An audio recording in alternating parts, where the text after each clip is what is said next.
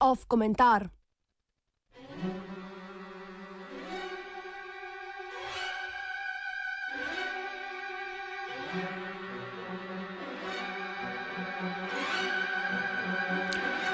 Pomlad za veliko koalicijo in Nemčijo.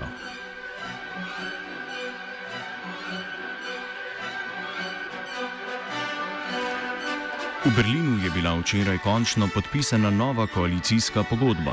Nova vlada bo prisegla jutri, skoraj pol leta po parlamentarnih volitvah. Nemčija je ponovno dobila veliko koalicijo pod vodstvom Angele Merkel, ki bo vodila svojo četrto vlado, tretjo v zavezništvu socialdemokrati. Vse po starem, torej. A tokratna velika koalicija je nastala v precej drugačnem vzdušju. Namesto optimističnega zavezništva je bilo sklepanje koalicije bolj podobno prisiljenemu zakonu.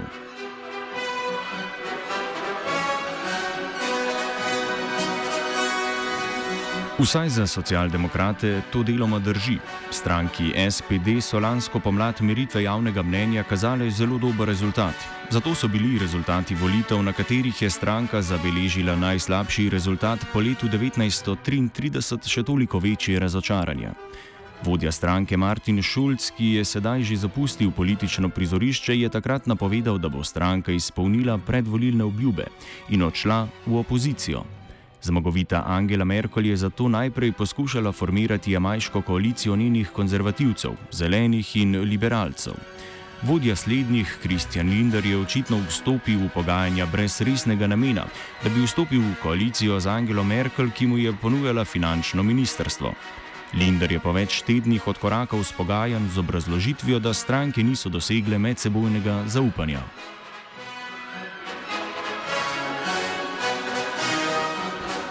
Linder je pravilno ocenil, da bo Angela Merkel na mesto nanj krivdo za morebitne nove volitve raje prevalila na socialdemokrate. Grožnja novih volitev je Martina Šulca prepričala, da si je premislil glede vstopa v vlado. Kanclerka je pri tem dobila zaveznika tudi v predsedniku republike, Franku Walterju Steinmeierju, ki prihaja iz vrst socialdemokratov in je stranko vodil v opozicijskih letih med letoma 2009 in 2013. Kot arhitekt kontroverzne reforme socialnega sistema Agenda 2010 v času Šroderjeve vlade pripada desnemu krilu socialdemokratov.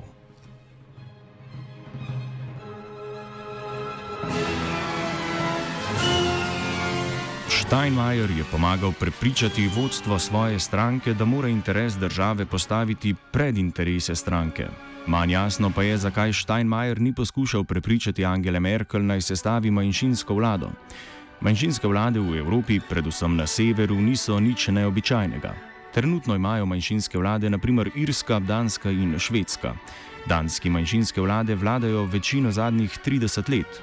Ni jasno, zakaj Nemčija ne bi mogla oziroma zmogla enakega podviga.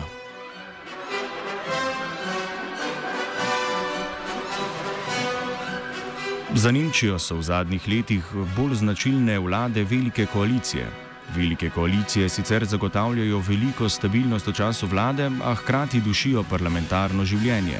Težišče političnega dogajanja se iz parlamenta še bolj prenese v vlado. Ker sta največji in ideološko nasprotni si stranki zaklenjeni v vladno zavezništvo, so opozicijski glasovi potisnjeni iz sredine političnega prostora proti skrajnostim. Poleg tega veliki koalicijski dogovor povzroči, da so vse tiste teme, kjer veliki stranki ne moreta doseči skupnega stališča, preložene na nedoločen čas.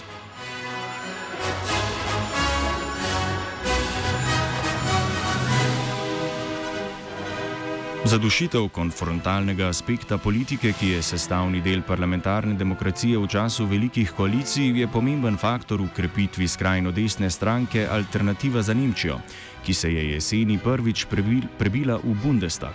Tam sedaj tvori največjo opozicijsko stranko z 92 sedeži.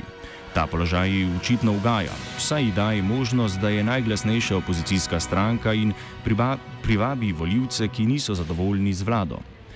To bo še ukrepilo dejstvo, da se liberalci, ki so po velikosti tretji v parlamentu, ne razlikujejo od nekaterih frakcij konzervativne CDU. Nekaj podobnega velja tudi za zelene v relaciji do SPD. Ostane torej zgolj še levica, katere šibkost pa je, da vsaj zaenkrat svojih volilnih uspehov v vzhodnih zvezdnih deželah ni uspela prenesti na dežele bivše zahodne Nemčije.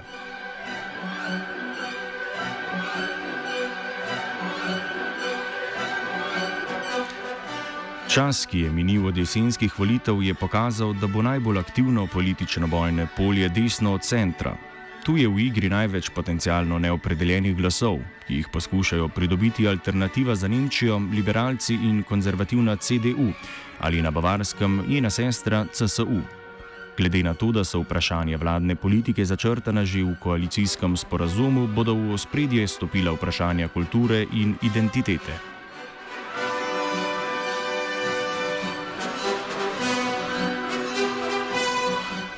Primer takšnih soočanj se je začel prejšnji teden.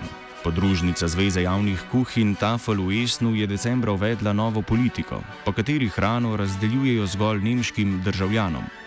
Direktor javne kuhinje je povedal, da begunci svojim videzom in obnašanjem prestrašijo starejše obiskovalce. Celotna zadeva se je odvijala povsem izven oči javnosti, dokler ni o njej prejšnji teden pisal lokalni časopis. Druge javne kuhinje Zveze Tafel so politiko podružnice v Esnu in izjave direktorja obsodile. Enako so storili Angela Merkel in vidnejši politiki SPD. Omejitev pa so sedaj odpravili. Je pa obran tej omejitvi stopil novi minister za zdravje Jens Špan. Špan predstavlja desno krilo konzervativcev, položaj ministra v novi vladi pa je dobil zaradi oslabljenega položaja Angele Merkel v stranki. Ob tem je dodal še, da nemški sistem socialnih transferjev, znan pod imenom Hertz 4 oziroma Hartz 4, omogoča vsakemu, da preživi. Z obema izjavama se je strinjal tudi vodja liberalcev Kristjan Linder, enako tudi nekateri politiki AFD. Nič kaj presenetljivo je Špan v istem intervjuju povedal tudi, da si mora njegova stranka prizadevati, da pridobi glasove alternative za Nemčijo.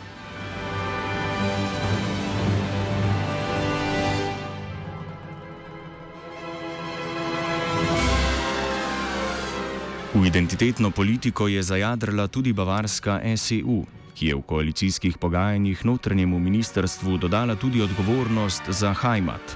Ta neprevedljiva nemška beseda označuje domovino, a tudi občutek domačnosti in pripadnosti.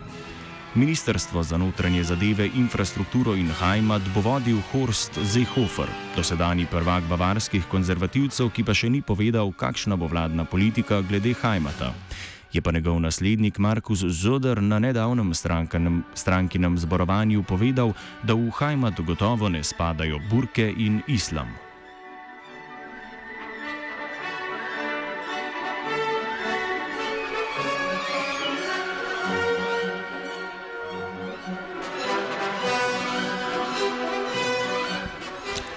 Do nedavnega se je zdelo, da se je Nemčija izognila vzponu nacionalističnega populizma. A povolilno dogajanje je pokazalo, da pod pokrovom velike koalicije narašča pritisk. Konflikt in soočenje nasprotujočih si ideologij sta sestavna dela parlamentarne demokracije. Sedaj podpisana koalicijska pogodba odlaga ta soočenja za nadaljna štiri leta. Politična dinamika, ki bo v tem času prevladovala, odpira največ prostora ne zgolj alternativi za Nemčijo, ampak tudi tistim v drugih strankah, ki želijo slediti na skrajno desnico. Najboljši odgovor na to bi bilo formiranje manjšinske vlade, kjer bi demokratičen proces v parlamentu silil vse stranke, da med seboj konkurirajo s politikami, ki seveda izboljšujejo materialno življenje prebivalcev.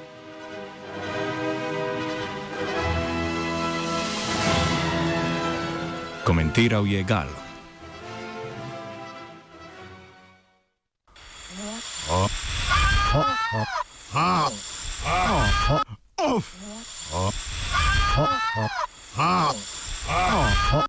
Off komentar.